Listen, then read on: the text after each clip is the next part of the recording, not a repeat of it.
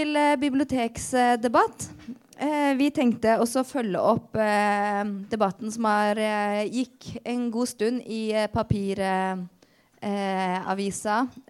Morgenbladet spesielt, men også eh, bl.a. Klassekampen. Det er en diskusjon om hva biblioteket er, hva det skal bli, og hva det bør være.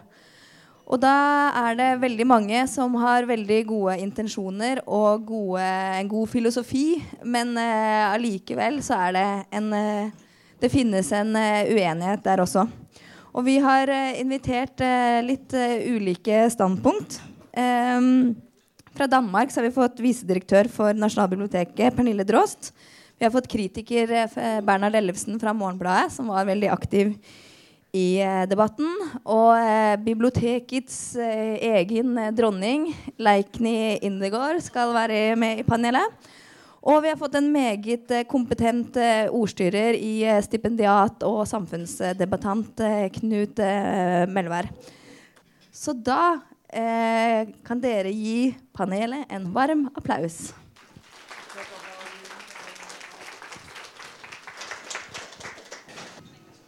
Velkommen til eh, Brennheit biblioteksdebatt. Um, biblioteket har jo vært med oss fra sivilisasjonens start.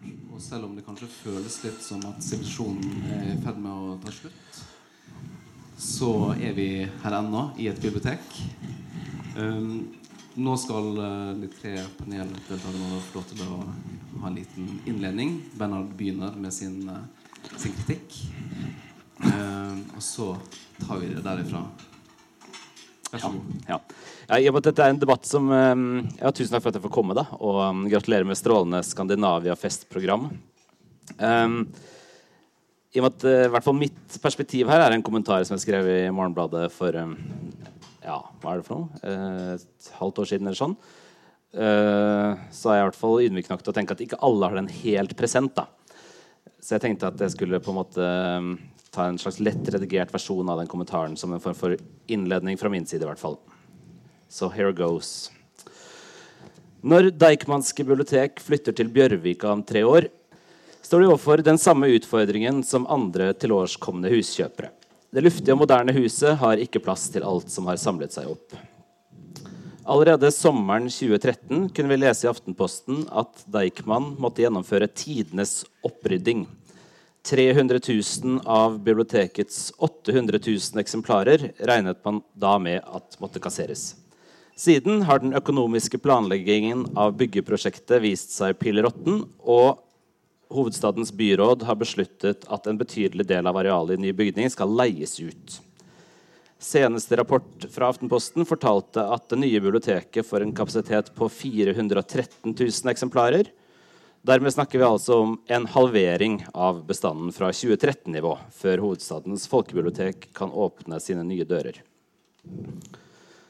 Da jeg for omtrent et år siden anmeldte en bok med bidrag fra en rekke forskere tilknytta biblioteksutdanninga ved Høgskolen i Oslo, etterlyste jeg artikler om det som på fagspråket kalles samlingsutvikling.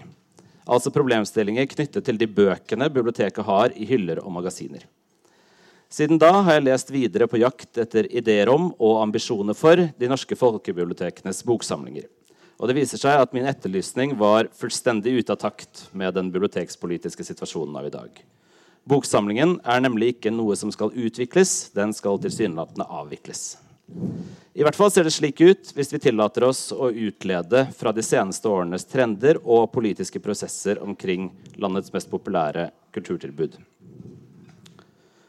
Kaster man et blikk på Nasjonal bibliotekstrategi 2015-2018, et dokument bestilt av daværende kulturminister Toril Vidvei, som behandler statens innsats for og bidrag til de kommunale bibliotekenes oppfyllelse av den nye biblioteksloven, forstår man raskt at Deichmans halvering av boksamlingen er fullt i tråd med hva politikerne ønsker.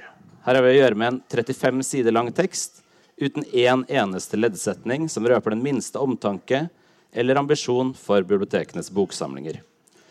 Derimot er alt innstilt på såkalt publikumsrettet virksomhet. En vending som i et av verdens mest boklesende land viser seg å bety noe helt annet enn å formidle og låne ut bøker. I, vår, I våres skrev min avis Morgenbladet om den store litteraturhusbølgen som har hjemsøkt vårt land det siste tiåret. Erik Rudeng og Lars Roar Langslett hadde vært på kontinentet og sett litteraturhus av den tyske typen. Som leder i Fritt Ord hadde Rudeng anledning til å gi et norsk forsøk den nødvendige støtten. Uten å gå nærmere inn på den stimen av litteraturhus som fulgte etter eh, flaggskipet i Oslo, kan vi trygt konstatere at selve ideen litteraturhus ble nesten uovertruffent innflytelsesrik. Få år senere var, det nemlig, var nemlig 428 folkebibliotek underlagt en ny lov hvor Langslett og Rudengs lyse idé var tatt inn i formålsparagrafen.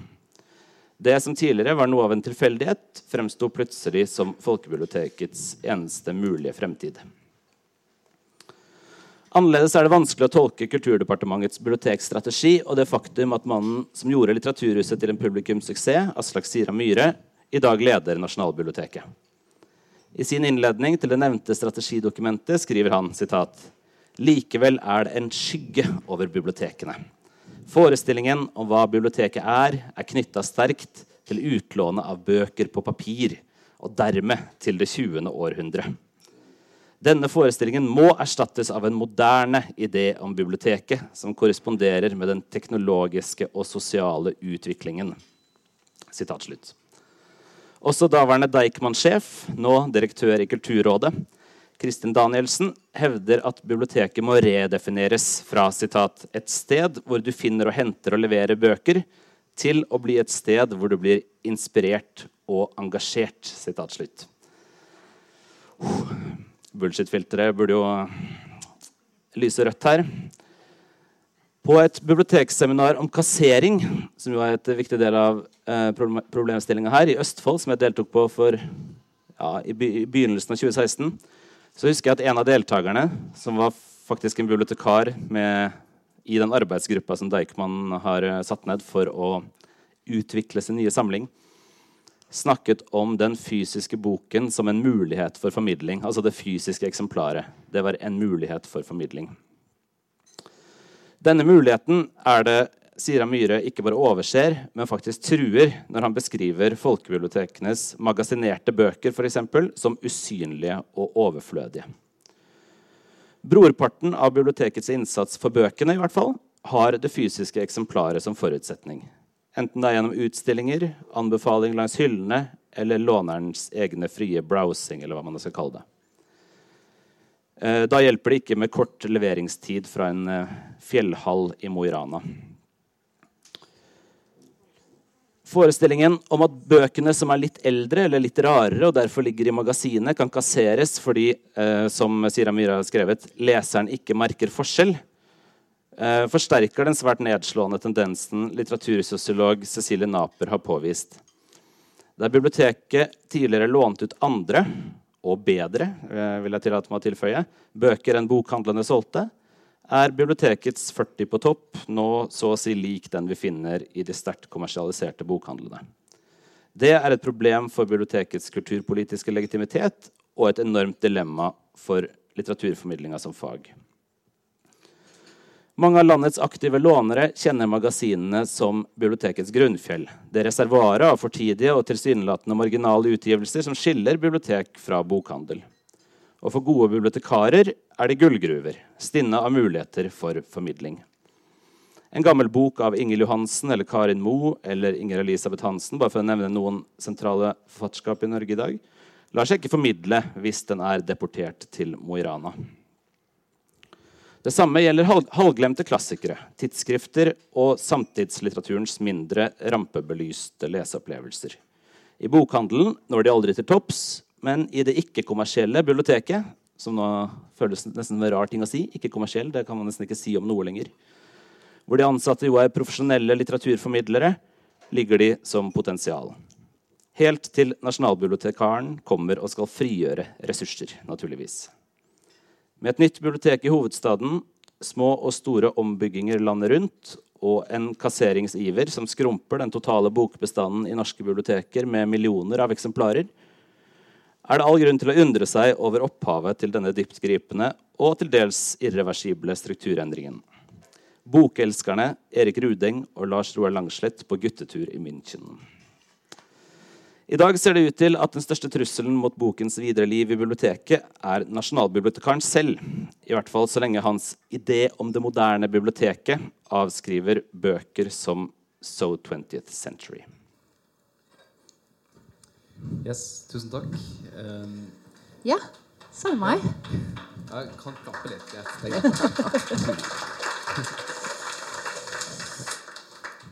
Jamen, jeg kunne godt tænke mig, og øh, mit navn er Pernille Drost, og jeg kommer fra København. Og øh, jeg skal prøve at tale, så I kan forstå, hvad jeg siger. Øh, kan I høre mig? Kom. Jeg vil gerne starte for snart 100 år siden øh, i en diskussion mellem øh, to biblioteksfolk. Det var den danske biblioteksmand Svend Dahl, som øh, var en meget, meget aktiv biblioteksmand i Danmark, og hans norske kollega, som I sikkert kender, øh, Wilhelm Munde, som begge to udviklede øh, biblioteksvæsenerne i henholdsvis Norge og i Danmark. Men øh, de to herrer, de skrev sammen igennem mange, mange år som, øh, som kolleger, øh, og den brevsamling blev udgivet i en øh, forskningsartikel øh, for mange år siden. Øh, de to øh, snakkede også meget om, dengang var folkebiblioteket, det var jo ikke et sted, hvor man sådan lånte skønlitteratur. Det er noget, der er kommet med vores velfærdssamfund i 70-tallet og 80-tallet. Indtil da, der var det, man kunne kalde et folkebibliotek. Det var et oplysningsbibliotek. Det var, et, øh, det var en folkeoplysning og, og et uddannende bibliotek. I Danmark var det sådan, at man øh, kun måtte låne det, vi kunne i dag kalder skønlitteratur, hvis man havde lånt tre faglige bøger. Så ville bibliotekaren tjekke, hvad havde du lånt, og så kunne du få en skønlitteratur med. Bare for, at vi lige skal huske, hvordan startede de her biblioteker. De her to de skriver sammen, men Munde, han var meget begejstret for, øh, for amerikansk biblioteksvæsen. Og, øh, og, og skriver i brev til, til den danske dal øh, hele sin vision. Og de her to herrer, de kom mest fra universitetsbibliotek, men dengang var der en stor parallelitet. Men Dahl, han skriver så, i forbindelse med professionalisering og omkring, hvordan man skal arbejde med bogs, det, han kalder bogsamlingsmaniet og småtryksraseriet. Og jeg citerer her, hva Munde han skriver til Danske Dal. Munde skriver, Bogtrykkerkunsten er ikke længere, hva den var i gamle dage. Store masser av tryksager er kun det moderne samfunns ekskrementer og får behandles derefter. Og skulle en forsker ha så god tid og så perverse tilbøyeligheter at han ville gjennomrode disse ekskrementer i håb om at finde et guldkorn, tror man så, at en fornuftig efterslægt vil bebrejde os, at vi ikke kan kaste bort plads, penge og verdifullt menneskeliv på at muliggøre den slags forskning. Trykkerkunsten skal tjene bibliotekerne, men bibliotekerne skal ikke blive slaver af tryksverden. Det skrev Munde til Dal i 1922. Det er for at anskueliggøre, at denne her diskussion om, hvad skal stå på hylderne, hvad skal vi kassere, det som man kalte materialepleje i den gode gamle utdannelse, det er ikke en ny diskusjon. det er en pågående diskusjon alltid. Mitt utgangspunkt, nøyaktig liksom Aslak fra det norske nasjonalbibliotek, det er, for meg er det ikke mængden av bøger, der avgjør øh, kvaliteten, det er, hva der står i bøgerne. Det er evnen til å skabe sammenheng. For meg er øh, en bok der står på en hylde, som de står her med ryggen ut af, fortæller ikke ret meget. Den fortæller noget for den person, som af sig selv ved, hvad, man, hvad en han eller hun gerne vil have. Men den åbner dybest set ikke en verden af hverken kultur eller viden, hvis ikke der sker en form for formidling. Og det kræver eksempelvis et rum som det her. Jeg synes, et andet eksempel er, hvordan man skal arbejde med formidling. Det er, at øh, en af de mest vigtige bøger, der er udkommet i Norge den seneste tid, Åsen Sejerstads En af os, jo sådan set hviler på en litterær øh, tradition, som startede med Truman Capote, der skrev En Cold Blood. Det er en litterær journalistisk retning. Og hvis en person går ind på et bibliotek og låner Åsen Sejerstads bog, så er det bibliotekarens opgave at sætte den bog i kontekst med noget andet. Det er det, vi skal. Og det gør vi ved, at vi laver intelligent formidling, men det handler ikke om, at der skal stå en masse bøger. Og jeg er fuldstændig enig i, at selvfølgelig skal et bibliotek skal ikke være et verdensbibliotek. At der er forfatterskaber, som er halvglemte, handler ikke om, at den ikke står på hylden. Det handler om, at der er nogen, der ikke formidler den. Og det handler om at sætte den i kontekst til noget moderne. I Danmark var der en meget fin bølge, da der kom 50 Shades of Grey, som øh, blev udlånt hele tiden. ingen kunne låne den. Hvad gør man så? Jamen, så var der rigtig mange biblioteker, som tænkte, jamen, hvad har vi ellers af erotisk litteratur? Og pludselig så stod i Miller der. Og pludselig stod der en masse andre bøger. Der stod uh, Lady, Lady Chatterleys Lover, og så videre, og så videre. Og det var sådan set ting, hvor man igen tager noget, der er nutidigt, og sætter i, konte- i kontekst litterært. Men det handler ikke om, at de tekster skal stå nede i et magasin, eller stå på en hylde. Det handler om, at de mennesker, der arbejder med indholdet, de skal være veluddannede, og de skal være dygtige litterater, og de skal være dygtige til at formidle. Det er ikke mængden af bøgerne, men det er indholdet af bøgerne. Ja, det var det.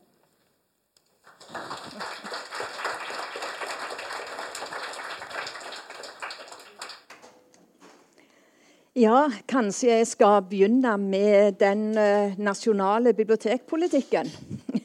og bare si det at Det er en grunn for at strategiene nå ikke handler så mye om litteratur. Og det er at staten bidrar via kulturfondordningene til at alle norske bibliotek har ganske rikeslig med norsk skjønnlitteratur. Og har både glede og utfordringer med å få det ut til publikum. Dette huset vi sitter i, var blir 100 år til neste år. Uh, og Den gang det ble bygd, så var det byens borgere som samlet sammen penger til huset og ga bøker. Uh, bøker var jo en mangelvare, og bibliotekarer var jo for så vidt det òg. Vi hadde bøkene blant lås og slå, og bibliotekaren kunne svare på det meste. Som nå Google svarer på. Vi har en helt annen utfordring i dag med å få bøker ut av hyllene. Eh, det trenges kompetanse, og eh, det har jo iallfall de store bibliotekene. Eh, det samme gjelder det med kassering. Jeg begynte å jobbe på dette biblioteket for fem år siden. Da hadde vi 800 000 bøker. Nå har vi 650 000 bøker. Så vi har gjort noe av det samme som Deichman sier de skal gjøre når de kommer til Bjørvika, men ikke så drastisk. Og vi har mer enn nok bøker, i hvert fall gamle bøker, som står på magasin, og som vi òg sender til Mo i Rana. Eh, for et moderne bibliotek da er det ikke bare dette med antall bøker som er det viktige, men formidlingen av bøkene. Fordi at i dag har folk ofte råd til å kjøpe bøkene sjøl. De kan lese på nett og andre plasser hva som finnes av litteratur. De hører på hva vennene leser. Eh, i stedet for å høre på bibliotekaren. Og vi må tilpasse oss de brukerne vi har, og helst få flere brukere. Og litteraturen i dag den står sterkt. Vi har så mye folk som både låner bøker Altså På Bergen Offentlige så har vi et besøkstall på over 1,4 millioner i året. Og Vi har nettopp hatt en brukerundersøkelse der vi spionerte på folk som kom inn og så hva de gjorde. Uh, og Det samme gjorde vi i 2008 sammen med de andre storbybibliotekene. Og Folk har ikke endra seg så veldig, selv om biblioteket har fått et nytt image. Den gangen var det 46% av brukerne våre som lånte bøker, og nå er det 44% Altså det har gått ned 2% på de åra. Samtidig har, har besøkstallet økt. Sånn sett så eh, ligger vi omtrent der, og kanskje mer. Og det er òg sånn at utlånstallene har økt i det siste. Det er da ikke faglitteraturen, men det er skjønnlitteratur og barnebøker. De øker. Mens CD-er og sånne nye medier da selvsagt, altså De kule ungdommene kommer ikke her lenger for å låne CD-er. Sånn er det. Men interessen for litteratur, for opplevelser og ikke minst for kunnskap er veldig stor. Det er veldig mange nå som kommer på biblioteket sammen med andre. Veldig mer, eh, mange flere enn før. Og de bruker òg lengre tid her. I 2008 så brukte de 37 minutter i gjennomsnitt, og nå bruker de 47. Altså mer enn 10 minutter mer. Sånn at biblioteket har mer å tilby. Vi må holde på de som kommer inn forbi dørene, og det gjør vi på mange vis. Og det å samles om, sånn som nå, eller om foredrag, om kunnskap, om vi har altså eh, for to-tre uker siden så var det over 1000 personer som sa at de skulle komme på Bergen offentlig en kveld. Og Da ble vi litt desperate, for dette huset er fullt av bøker, men vi har ikke så mye plass til folk. Derfor rydder vi òg litt i bøkene. Og Over 600 av disse de vil høre på et vanlig foredrag som heter 'Musikk og hjernen'. Det er sikkert et interessant tema, men vi ble litt forbausa over mengden, over interessen. Og folk har behov for det i dag. De leser, men de har lite tid, og de vil gjerne ha opplevelser i tilknytning til lesingen og komme sammen med andre og lære noe. Sånn at Bibliotekene har på en måte innretta seg etter samfunnet, og jeg syns vi gjør det gysla bra. Jeg. Vi har bra med litteratur. Norge er et lesende folk rett og slett. Og vi har styrka vår posisjon de siste åra, bibliotekene, vil jeg påstå. Takk.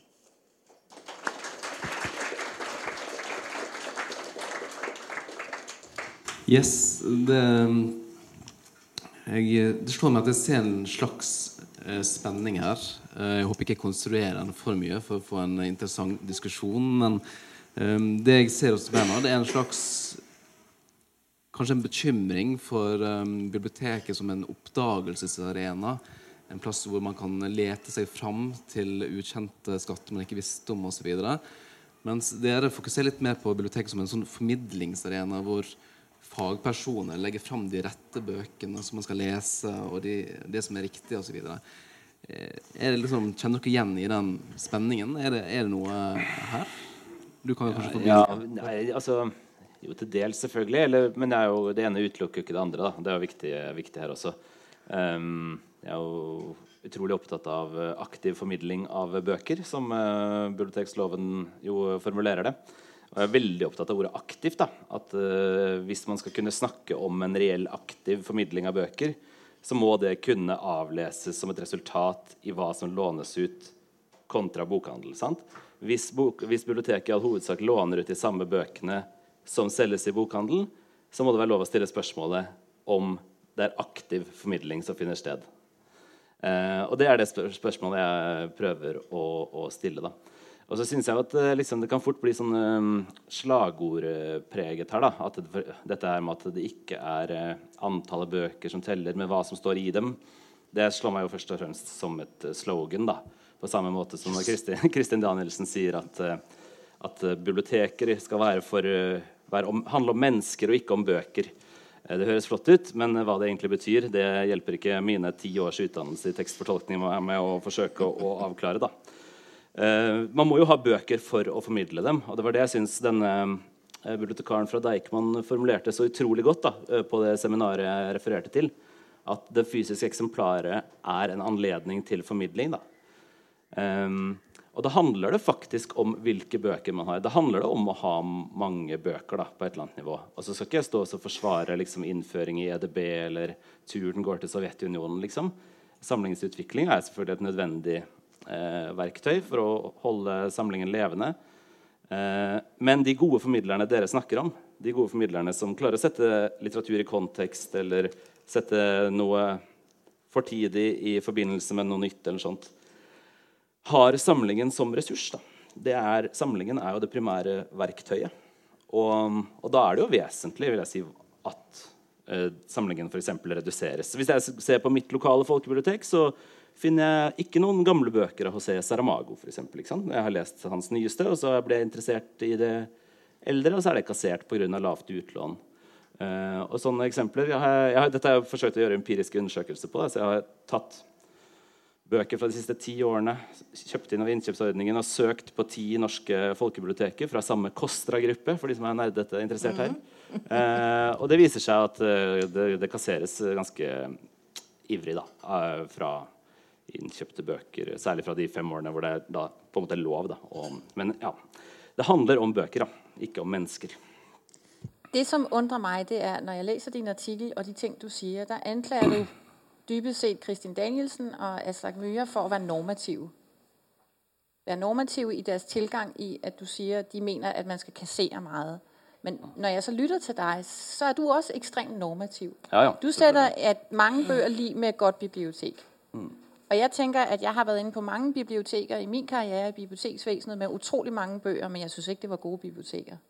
Fordi det var bare bøger der stod der. Og hva der var helt tydelig, det var at man ikke kunne som bruker kunne finne sin vei igennem de bøger. Det som er riktig væsentligt, men som eksisterer i Danmark og i Norge For det første har vi pligtaflevering. I Norge og i Danmark finnes der en til to kopier Jeg tror også, I har flere forskellige steder. Der, I Norge og i Danmark, der i hvert land, der har vi to kopier af alt det litteratur, der er udgivet i vores land. Vi har så også noget af det norske, fordi vi jo så har haft jer inde under os. Ikke?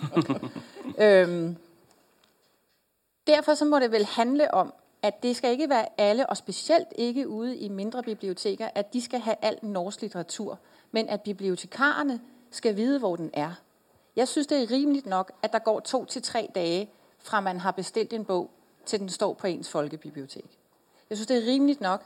Og I har endda det system, der hedder boghylder. Rigtig meget af litteraturen fra før 2000, den kan du simpelthen finde digitalt. Hvis du ikke ønsker at læse den digitalt, så kan du jo bare printe den ud. Så jeg tænker sådan et, altså hvad er problemet? Fordi al litteratur findes. Al litteratur kan du få adgang til. Øh, vi havde et fantastisk arrangement på Nationalbiblioteket i mandags, hvor der var forskellige personer. Der var nogle skuespillere, der var nogle forfattere, som læste op af breve. Enten et brev, de selv havde fået, eller breve, som de har fundet øh, i diverse brevsamlinger på det kongelige bibliotek eller i udgivende brevsamlinger. Der var 300 mennesker, det var en, nej, 400, der var en udsolgt sal. Der var ikke en eneste bog i syne. Det var kun nogle mennesker, der stod og læste op for breve, som er udkommet i bøger. Men der var ikke et eneste menneske i den sal, der var i tvivl om, at de sad på et bibliotek med et meget, meget stort B. Der var ingen mennesker, der var i tvivl om, da de gik derfra, hvad det er for en, en litteraturskat, og hvad det er for en kulturarvsskat, øh, de havde været vidne til. Og jeg oplever bare i mit bibliotek, hvor jeg faktisk som det eneste bibliotek i Danmark, kan jeg ikke låne noget ud. Man kan kun læse det på læsesal. Oplever jeg, at min fornemmeste formidling, det er at stille tingene til rådighed på en anden måde. At formidle det på en anden måde. At få kulturarv ud til borgerne. Og det kan godt lade sig gøre. Men jeg låner ikke en eneste bog ud. Og jeg digitaliserer dem heller ikke. Så jeg, altså, der er virkelig forskellige øh, måder at tilgå det på. Øhm, og jeg synes, den, hvis man kigger på den skandinav... generelt biblioteker, men også i Skandinavien, hvis der noget Norge har været kendt for, så var det at have mange bøger. Så vidt jeg ved, så er I også mm. stadigvæk underlagt, at I skal købe en vis procentdel norsk litteratur. Ikke? Jeres materialbudget er bundet. Nej, men vi får det fra staten, da. Ja, I får, ja. venligst får I det fra staten. Det vil sige, I har faktisk en national, centralistisk mm. instans, der beslutter, hvilke bøger, der skal ud på bibliotekerne. Det er, det er ret ud. Det er, altså, I disse Trump-tider vil jeg bare sige, altså, no, no kidding, det er faktisk ret vildt. Øhm, set fra mit synspunkt, så er det jo sådan en ret voldsom national indblanding i, hvad et bibliotek ønsker at formidle. Just saying. Så, så jeg tænker, jeg synes ikke, man skal være så bekymret for mængden af, litter, af bøger i Norge i hvert fald. Der er mange. Jeg kan prøve å svare relativt kort, for mange, har det mange momenter. Og jeg tror ikke jeg skal forsvare innkjøpsordningen, for det er en lang diskusjon. Men jeg, jeg, men jeg ville forsvart den med liksom, ja, i hvert fall mitt metaforiske liv. Eh, men eh, det, ja, selvfølgelig er jeg normativ. Jeg er litteraturkritiker, så jeg hadde mista jobben hvis jeg ikke var det. Og det er ikke normativitet jeg beskylder, eh, beskylder dem for. Det er eh, markedstilpasning i en eh, institusjon som ikke skal være kommersiell. Eh, men når det kommer til det du sier med at, at, det er greit at det går to-tre dager Når du formulerer det på den måten, så er jeg helt enig. selvfølgelig. Jeg er helt enig. Men la oss si at vi tenker at biblioteket skal drive aktiv formidling. Dvs. Si skille seg fra bokhandelen i noen grad. Eh, da må vi jo tenke at dette er stedet vi skal finne bøker som ikke er nye. For eksempel. ikke nødvendigvis bare er nye. Jeg er helt sikker på, 100% sikker på at hvis du tar en hvilken som helst diktsamling av Ingrid Elisabeth Hansen, da, eh, eller en bok av Karin Moe, og, og, skyver den ut av folkebibliotekene For det er folkebiblioteket vi snakker her nå, om, da, så det, kan, er ikke så lett å sammenligne det med et nasjonalbibliotek skyver det ut av folkebibliotekets hyller og opp til Mo i Rana, så vil det bare være masterstudenter som leser den boken igjen. Den vil aldri igjen eh, bli formidlet. Da. Men hvis den står i hylla, så kan en bibliotekar si å ja, du liker denne typen dikt. Da vil du også kunne like dette, sånn som du eh, skisserer. da. Eh, den, den, altså den formidlingssituasjonen ved hyllekanten, eksempel, som er så viktig i både for bokhandel og bibliotek, er fullstendig avhengig av at boka er tilgjengelig der og da. Du formidler ikke på en måte jeg, denne kan jeg bestille til deg. Det, det, kommer ikke til å skje. Det er, det er helt uh, illusorisk. Da. Så det, en, det, det, har store konsekvenser det da, å innføre etter to-tre dagers ventetid. Ikke for den som allerede vet at de vil ha boka. Det er helt ok. Men for formidlingssituasjonen og formidlingsoppgaven til biblioteket så er det viktig. da. Kommer det ikke til å skje? Nei, altså Jeg kan garantere at Karin Moe og Inger Elisabeth Hansen kommer til å finnes på Bergen Offentlige i uh, lange tider framover. Det vi sender til Mo i Rana, er egentlig bøker fra før 1870 eller noe sånt, og eh, gamle teologiske verk, kanskje ja, ja. på andre språk, sånn som ingen finner på å lese. Men det at vi har jo 650 000 bøker igjen, så vi har nok å gjøre når å få de ut. Og Der har vi en felles interesse uh, med aktiv formidling, og der kan vi bli bedre. Her har vi i, På Bergen Offentlige har vi de siste fem årene hatt litteraturformidlingsprosjekt hvert eneste år som har to siktemål. Få folk til å lese mer av det som de ikke kjøper i bokhandelen, og gjør biblioteket kjent. For dette henger i sammen. Og vi ser at eh, de som såkalt gresser på hyllene eller browser, de har gått ned fra 45% til 33 Men det er ganske mange, og vi må legge til rette for at de finner noe når de går der. Og Det er en kjempestor glede for oss å ha så mange innenfor dørene som vi kan drive og pusse bøker på på ulike møter. Så her har vi noe felles. Men hvis vi skulle diskutere og krangle, så må vi kanskje komme på et litt annet spor. Jeg ser på det. Jeg syns det er ganske bra tone her. Uh, er du innstilt på å krangle nå, Pernille? Men det er fordi jeg kan ikke la være med å bli litt pedantisk. For jeg tenker, hvis argumentet er, at når noen går på et bibliotek og ber om en bok, så skal de kunne få den med hjem med det samme. Det er det jeg hørte deg si. At det er ikke godt hvis de skal vente to-tre dager. Kan jeg bare presisere? Ikke hvis de kommer og ber om én bok. Det er helt ok. Der er jeg helt enig med deg. Ja. Men hvis de kommer eh, til biblioteket som et menneske på en offentlig arena, som er en formidlingsarena, mm. som er en mulighet for deg, da kan du ikke vente to-tre dager. Hvis jeg kommer og spør jeg vil ha kjønnsskrift, da, bare for å holde til det samme eksempelet, så tåler jeg å vente to-tre dager. Jo, men når du går inn her, men du, regner, du, vil ikke, du vil ikke akseptere hvis man går inn her, så skal man vente to-tre dager? Ja, men du skjønner ikke nei, nei, nei, det? Nei, nei, nei, du blir nødt til å bli i argumentet. Du kan ikke, du kan ikke slippe ut. Yes, du sier det er problematisk hvis man gjerne vil be om noe litteratur, og man skal vente to-tre dager på at den skal komme hjem fra Mo i Rana. Det sa du, ikke? Ok, det er, ja, det er katastrofalt. Nå spør jeg så. Mm. Når I har populære bøker i Norge er der så ikke ventetid? For man kan jo ikke købe 10.000 eksemplarer. Er det ikke sånn? Vil du synes det var ok hvis et bibliotek brugte alle deres penge på å købe 10.000 eksemplarer av Fifty Shades of Grey? Sånn så ingen skulle vente i to-tre dager? Nei. Nei. Godt. Alle mennesker, der kommer på et, nej, nei, alle mennesker der kommer på et bibliotek, ved godt at noen ganger får man ikke bogen med den samme. Den gode bibliotekar sier at det er en genre du kan lide, så låner du denne her, og så bestiller jeg den bog hjem til deg som du gjerne vil ha. Sånn har det alltid vært, og sånn vil det også bli ved med. Så argumentasjonen om at at formidlingen eller litteraturen ikke dur fordi man ikke får boken med det samme, er igjen en normativ måte å forholde seg til litteraturen. For det må handle om litteraturen. Selvfølgelig. Og jeg, jeg, jeg, ha, jeg kan kjøpe meg en T-skjorte hvor det står 'normativ utropstegn'. utropstegn. Det er jeg helt komfortabel med. Men det er jo altså den, den enkelte boks skjebne. da. Og som sagt, Jeg er helt sikker på, helt sikker på at den aldri blir lest igjen av noen andre enn studenter og akademikere. da, Hvis den bare står i Morana. Og jeg er helt enig med, med deg. altså det, det, det, er jo i all hovedsak, det står jo veldig bra til i norske biblioteker. Det er jo en advarsel om et utviklingstrekk. da, altså det er et forsøk på å utlede noen ideer fra f.eks. nasjonal bibliotekstrategi og liksom rette en sånn advarende pekefinger opp. Og jeg, Det kan godt være at det å halvere samlingen er riktig. Eh, men når man gjør det, så, så, må man liksom ha dette med. da, At en bok som ikke står i hylla, blir ikke lånt ut til noen andre enn de som spør om den. da, og Det er den forskjellen i ditt uh, fiffige, logiske uh, lille løp her. da, det, At det ikke handler om den som kommer og spør om det, den konkrete boka. Eh, slik jeg forsto det, så var det også en, en bekymring for den, måte den, den litt sporadiske og, og serendipity-aktige eh, formidlingssituasjon foran bokhylla. Hvor eh, det kanskje ikke hadde 50 Shades of Grey, men hadde den boka som sto ved siden av, som dekte det samme behovet, rett og slett.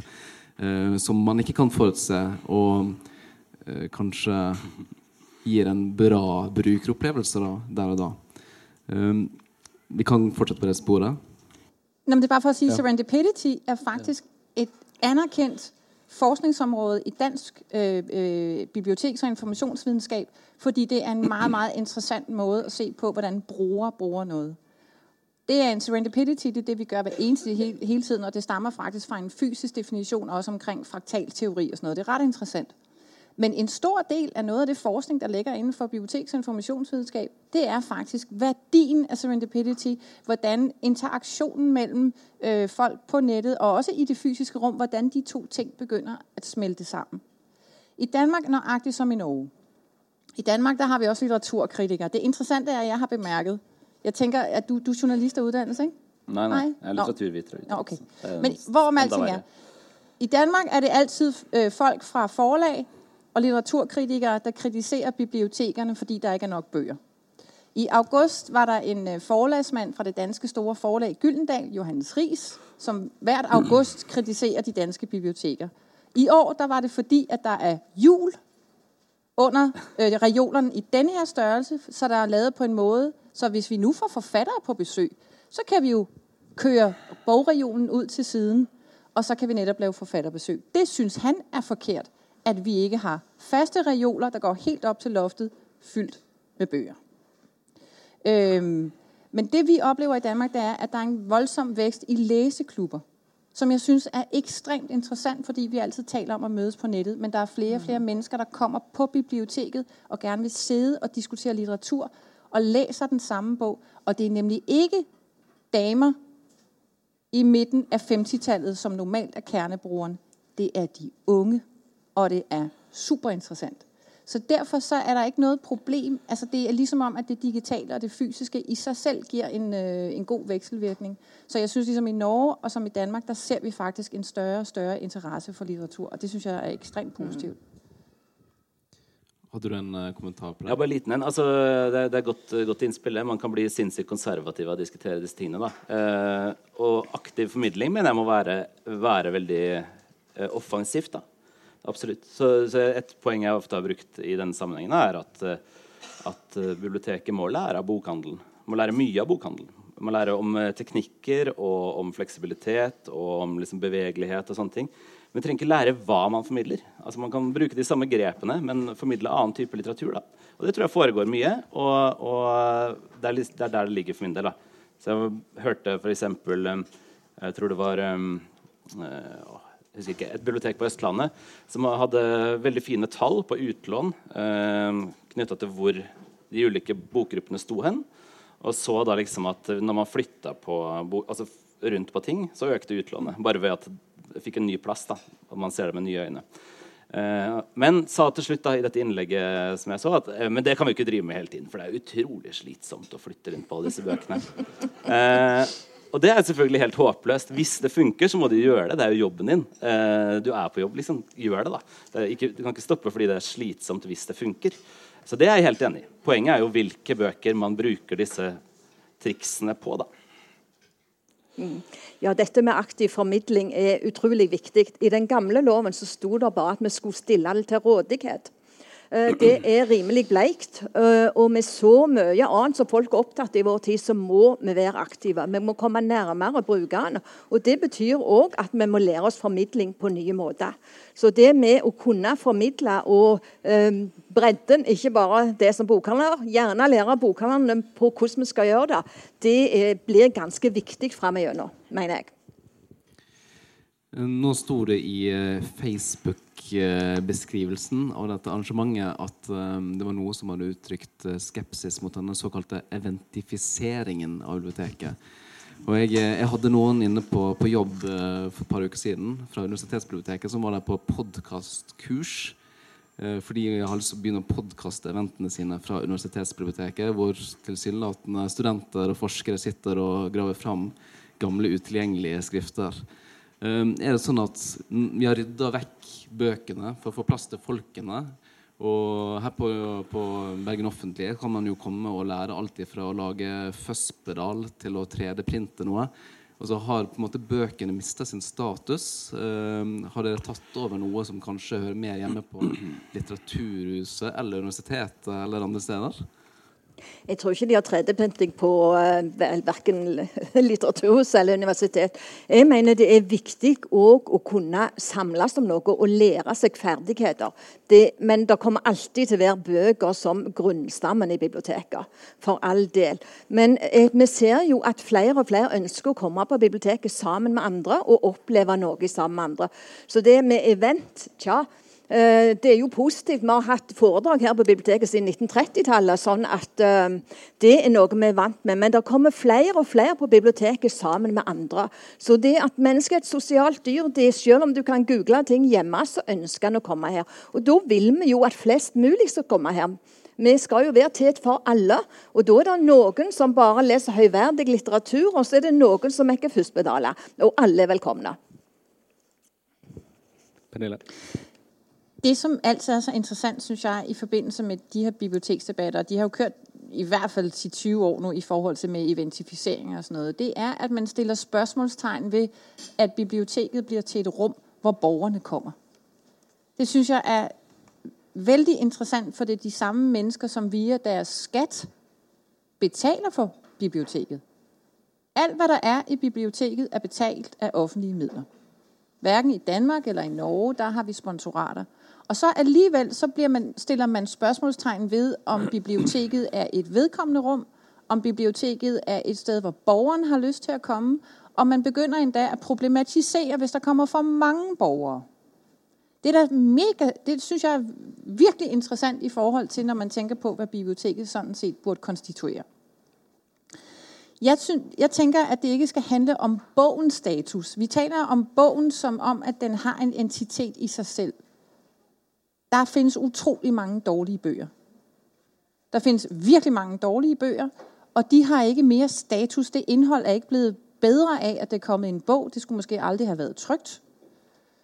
Så for mig må det ikke handle, bør det ikke handle om bogen som status. Det bør vel handle om vores kulturarv og vores kulturelle øh, viden og vores øh, informationsniveau, som hvilken status den har.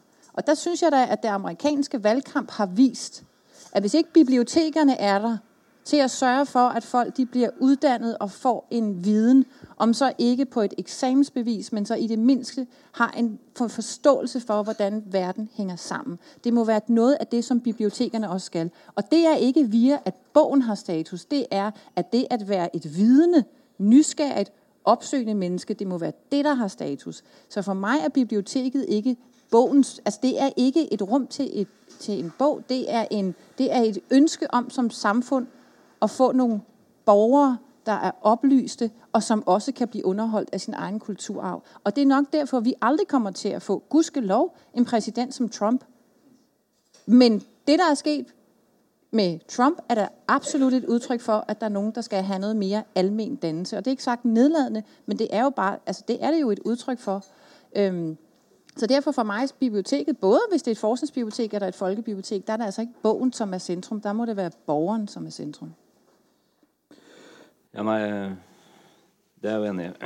Og jeg er også enig. Altså, eventifisering, den, den, den debatten gjaldt jo egentlig ikke bibliotek spesielt. da. Det gjaldt jo liksom festivalflommen eh, osv. Eh, men at, at, arrangementer av høy kvalitet har noe å gjøre i bibliotek, det er jo ikke noe tvil om, selvfølgelig. Så kan man jo spørre om det er bibliotekets oppgave å ha liksom Fifa-kveld eller, eh, eller sånn, da. Eh, konkurrere med ungdomsklubben eller liksom, eh, åpne opp rommet eh, på hvilke betingelser som helst. Og det handler, handler ikke om at liksom, borgeren ikke er velkommen, da, men det tror jeg bare handler om hvordan la altså, Hvis vi gjør det litt mindre liksom, polarisert her, da, så er det spørsmålet hva er et godt bibliotek? Hva gir de som kommer på biblioteket, en opplevelse og en erfaring og et møte av høy kvalitet? da og da tror jeg vel kanskje at biblioteket kan tjene litt på å spille på sine styrker, da, heller enn å prøve å være alt på en gang. Så det er vel uh, innspillet til dette med at, at, skattebetaleren selvfølgelig skal få igjen. Da. Men jeg tror kvaliteten rett og slett på biblioteket blir høyere hvis man fokuserer på det man er uh, god på. da. Uh, og så har dere sånn brukerundersøkelse som dere lagde i fjor med de andre storbibliotekene for eksempel, som viser nettopp det du sier, at lånerne er jo den klart største gruppa. Um, mm. Og de fleste, også i den kommersielle verden, da, vil jo se på hvem er det som besøker oss? Hva er det de er på jakt etter? Og så liksom jobbe med kvaliteten på det. da. Um, så jeg, ser ikke noe, ser ikke noe sånn egenverdi Jeg ser egenverdi ved boka, da jeg si. men jeg ser ikke en egenverdi ved å få et menneske inn i bibliotek på, for enhver pris. da.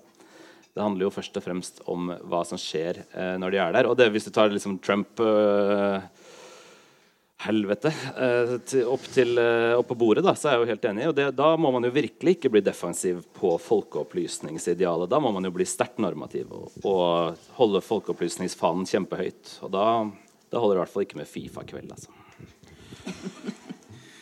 Et uh, sentralt tema her er jo denne her uh, skumle utviklingen. Må jeg ikke lige noe noget til den med FIFA?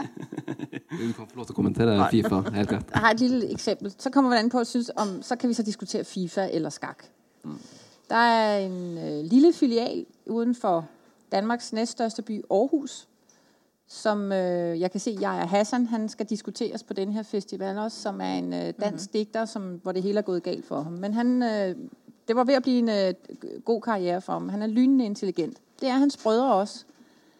Nogle af hans ældste brødre, de er kriminelle. Det er jeg desværre også ved at blive. Og så viser det sig, at hans lillebror er også super intelligent. Hans lillebror øh, kom på biblioteket, ikke for at låne bøger, men for at hænge ud. Og så var der nogle, øh, nogle voksne, som øh, lad, sad og spillede skak fra den lokale skakklub, øh, som fik overtalt de her knægte, til, at de her små drenge til at spille med. Og så viste det sig, at Jajas lillebror, han var lynende intelligent og dygtig til at spille skak. Og på ganske kort tid, så blev han skakmester i Danmark.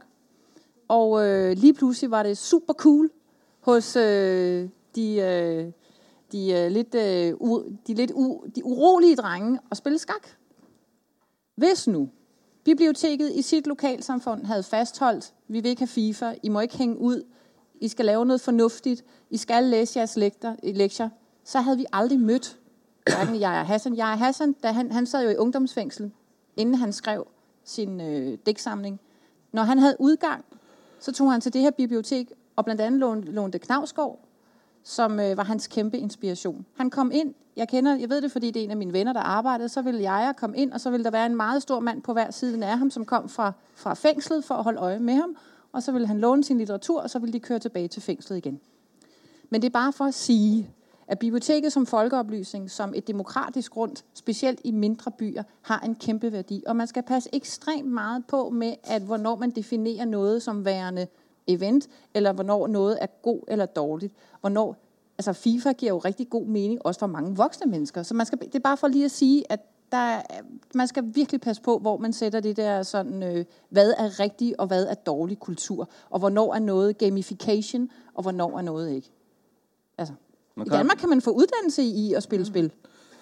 man kan bare spørre, hva, er det da, altså, vil, hva har man da å styre etter når man skal lage et godt bibliotek? da? Man må jo ha noe, altså det, det, det, du, du framer alt som en, enten sånn konservativt eller åpent, men man må vel ha noen ideer, noen faglige ideer om at noe er bedre enn noe annet. Du kan ikke bare liksom tilfeldigvis så var Hassan junior der da det var sjakkveld. Men Altså, det det er jo ikke et styringsprinsipp. Det er ikke et, det er Det ikke et bibliotek hadde en strategi om å ha en sterk tilknytning til sit lokalsamfund, og så vidt det var muligt, når man var i kontakt med sit lokalsamfund, at få skubbet noget kultur, produkt, eller noget kulturelt, eller noget viden, eller bare det at få de unge mennesker til at lave lektier, at få skubbet det ind i dem. Det var en klar strategi for det her bibliotek. Ja, men da er det en strategi, da.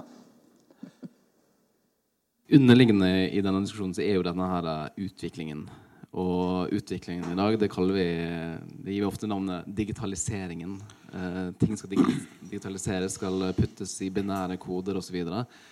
Um, og eh, jeg blir ikke overraska om, om vi om fem år kan komme ned på Bergen Offentlige og prøve ut VR-briller eller et eller annet. Og kanskje har man kommet så langt at man klarer å skape en genuin leseropplevelse i virtual reality. Kan man se for seg et bibliotek uten papirbøker i framtiden? Nei. Altså, øh, nej, men øh, forstået på den måde, at det interessante er, at bibliotekarerne, i hvert fald i Danmark, bibliotekarerne er meget optaget af e-bøger. Øh, men det er brugerne ikke. Og det er det, jeg synes, er vældig interessant. Også fordi jeg, jeg selv jeg gør det heller ikke. Men det er, vi kan jo se på, ja, nu kan man sige, at Nationalbiblioteket er jo også både, det kongelige bibliotek er både forskningsbibliotek og så også en slags bibliotek. Øhm, og der kan man jo se med de samme brugere, at de unge mennesker, de bruger digital øh, faglitteratur, men de læser skønlitteratur i, øh, i papirform. Så jeg tror, at skønlitteraturen og den fysiske bog har en, at der er noget med noget, øh, noget, øh, noget, noget kontekst, og der er noget med noget, øh, der, der er et eller andet i det at føle på noget og sidde med det. Og jeg selv er nøjagtig lige sådan, jeg magter ikke at læse e-bøger.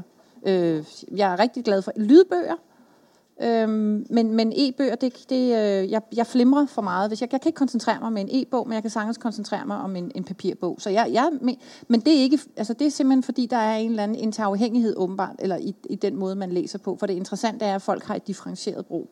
Så, så øh, i Danmark, der skal jeg bruge meget energi på at sige, at vi skal ikke have bokhylder, som I har i Norge. Der er nogen, de tænker i Danmark, at vi skal bare have digitaliseret al litteratur, og så kan vi øh, droppe bibliotekerne. Det, det tror jeg slet ikke, brugerne har lyst til. Og det er alt for dyrt. Så nej, jeg tror jeg er helt klart på, på papirbogen. Ja, nei, jeg, jeg er enig i det.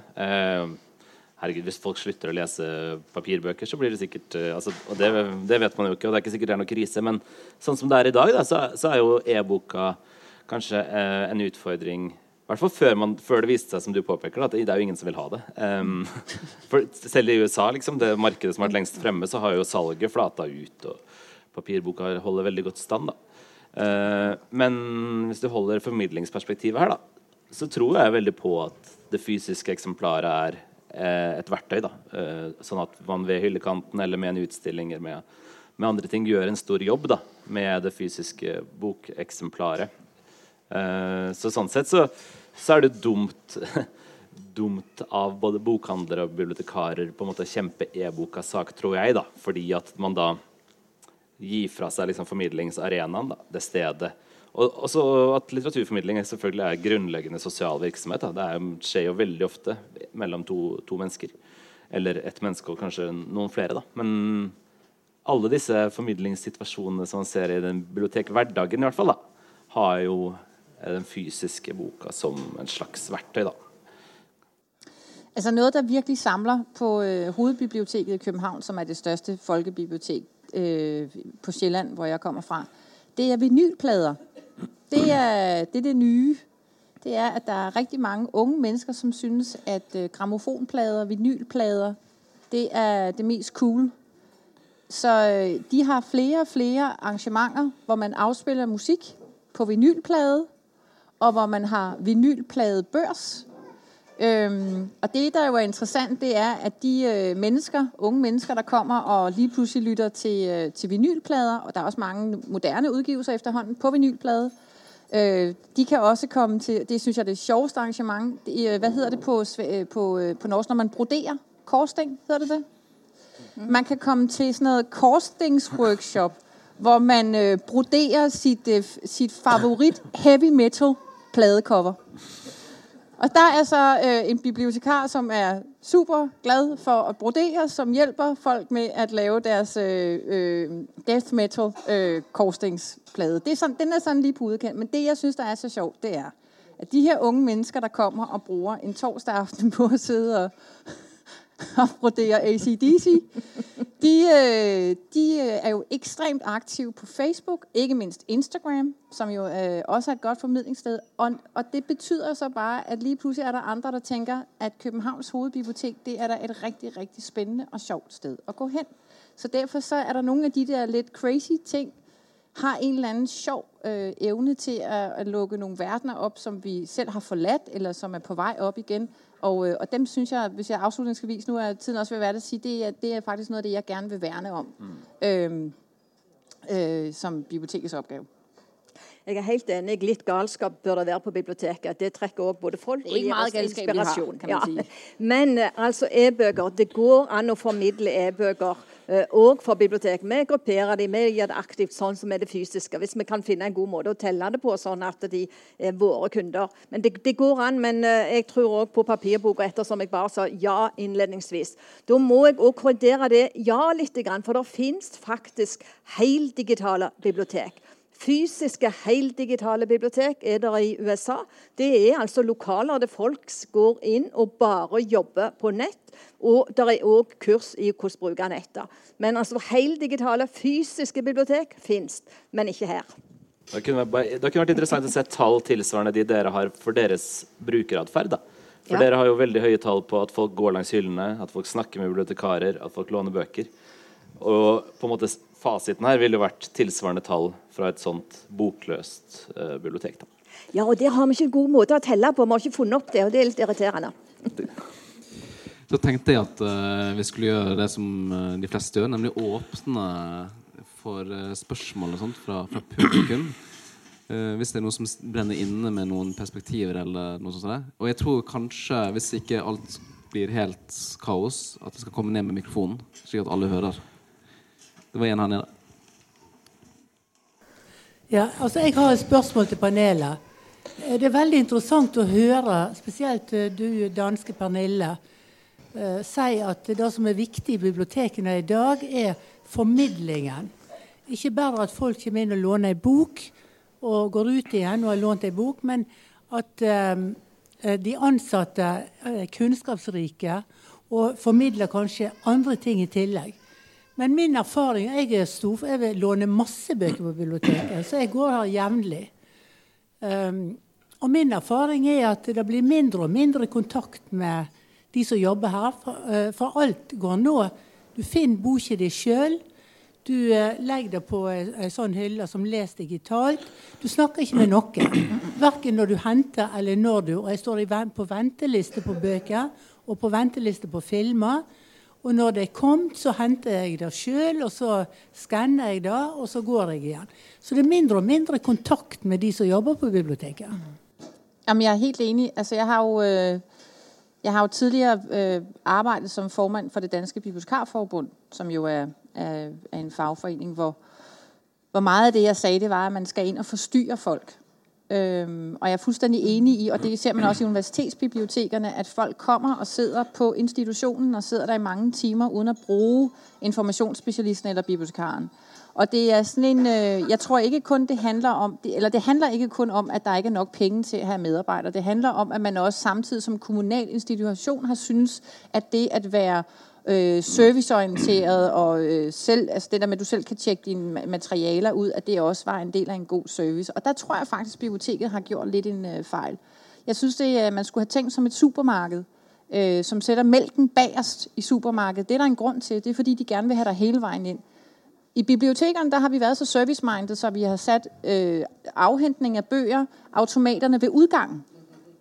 Sådan så folk kan komme ind og tage deres ting meget, meget nemt, men de kommer slet ikke ind i biblioteket. Og det synes jeg faktisk er en kæmpe, kæmpe fejl, man har gjort i bibliotekerne, ud fra en misforstået øh, øh, servicebetragtning. Jeg synes, det, man burde have sat de med automater helt nede bagved, fordi så vil du få folk ind igennem, og så skulle der være bibliotekar, der driblede dig hele vejen ned, og fik spurgt dig. Det skal så siges, dem der læser til bibliotekarer, og også til dels mig selv, vi, vi læste jo ikke til bibliotekar, fordi vi gerne ville tale med andre mennesker. Vi læste, og bibliotekaruddannelsen vil jeg også sige, den arbejder jo heller ikke særlig meget med, hvordan kommer du i kontakt med andre, hvordan formidler du. Det er jo en systematisk uddannelse. Det er jo en uddannelse, der handler om, hvordan opbygger man et system, så vi altid kan finde tingene. Så det er jo også den, det er jo ligesom den konflikt, institutionen også står i, det er, at, at man nu er i en situation, hvor alle kan finde alt. Og vi skal til at åbne op. Men mange af os, der arbejder i bibliotekerne, vi er jo ikke, vi er jo ikke salgsmennesker. øh, og vi kan egentlig også godt lide, hvis øh, netop den der med sådan noget, det er lidt hårdt, når det bliver en succes, øh, fordi at vi lavede det bare som et projekt, og nu skal vi lige pludselig til at flytte rundt på de der bøger hele tiden, og det synes vi egentlig ikke er så fedt. Så der ligger jo også en, en, øh, en, øh, en faglig selvreflektion om, at, øh, at være bedre til at, at, at forstyrre, og være bedre til, at der skal tales højt, og at øh, drible øh, brugerne, når de kommer ind i rummet. Helt enig. Ja, alle som ble bibliotekarer, ble det vel fordi at vi var glad i å lese. Og så når vi kom ut og begynte å jobbe iallfall i folkebibliotek, så oppdaget vi at vi måtte være like glad i folk som i bøker. Ellers så gjorde vi ikke jobben vår bra. Jeg eh, må nok si at vi kommer til å fortsette med selvbetjeningsautomater og sånne ting, for de transaksjonene, det fysiske eh, rundt det å låne bøker, det greier folk sjøl. Men vi håper jo å kunne være til hjelp når en trenger det, når en vil ha anbefalinger. Og det er hjertelig velkommen til å snakke med alle bibliotekarer som står i skrankene her og er til hjelp, håper jeg. Men sjølbetjeningen selvbetjeningen er kommet for å bli. Altså på sånn mekanisk. Altså, man kan jo godt legge litt feil inn, så du er nødt til å snakke med en bibliotekar. Ja, det er bra. Virker ikke. Kanskje man skulle lagd en app? Sånn. Få med en bibliotekar. Er det noen flere spørsmål eller innspill? Da har vi hatt en time med engasjert og brennheit biblioteksdebatt. Um, den har sikkert uh, pågått siden Sumer sin tid, og kommer sikkert til å pågå en god stund til, og det er bra. Uh, tusen, tusen takk for at dere tok dere tid til å sitte her og diskutere bibliotek. En applaus til panelet. Så vi selvfølgelig alle til å gå og måte, stryke ned langs reolene. Finne den boka dere ikke trodde dere skulle finne. Yes, Takk for meg.